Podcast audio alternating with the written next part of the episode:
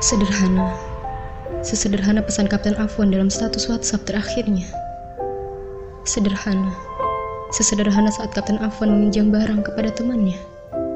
Segala kebaikan-kebaikannya terbuka saat kepergiannya yang tak disangka. Lagi-lagi kita diingatkan.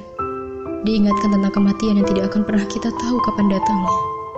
Tak memandang usia, kesehatan, atau kekayaan. Lagi-lagi juga kita diingatkan.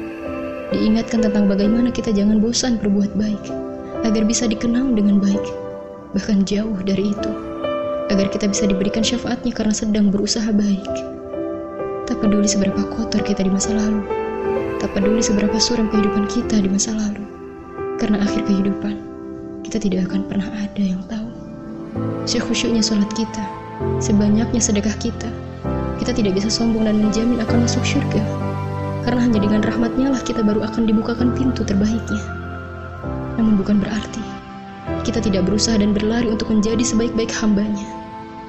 Semoga kita bisa lebih peka, peka dengan pesan cintanya, peka dalam menyiasati setiap kejadian yang menyapa.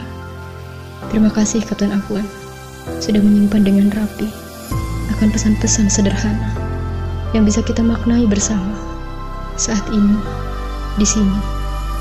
Semoga Kapten Afwan, seluruh kru dan awak pesawat ditempatkan di sisi terbaiknya. Seluruh keluarga yang ditinggalkan diberikan kesabaran dan ketabahan. Turut berduka cita yang sedalamnya dariku yang tak kuasa membayangkan seperti apa detik-detik kejadian itu menyapa.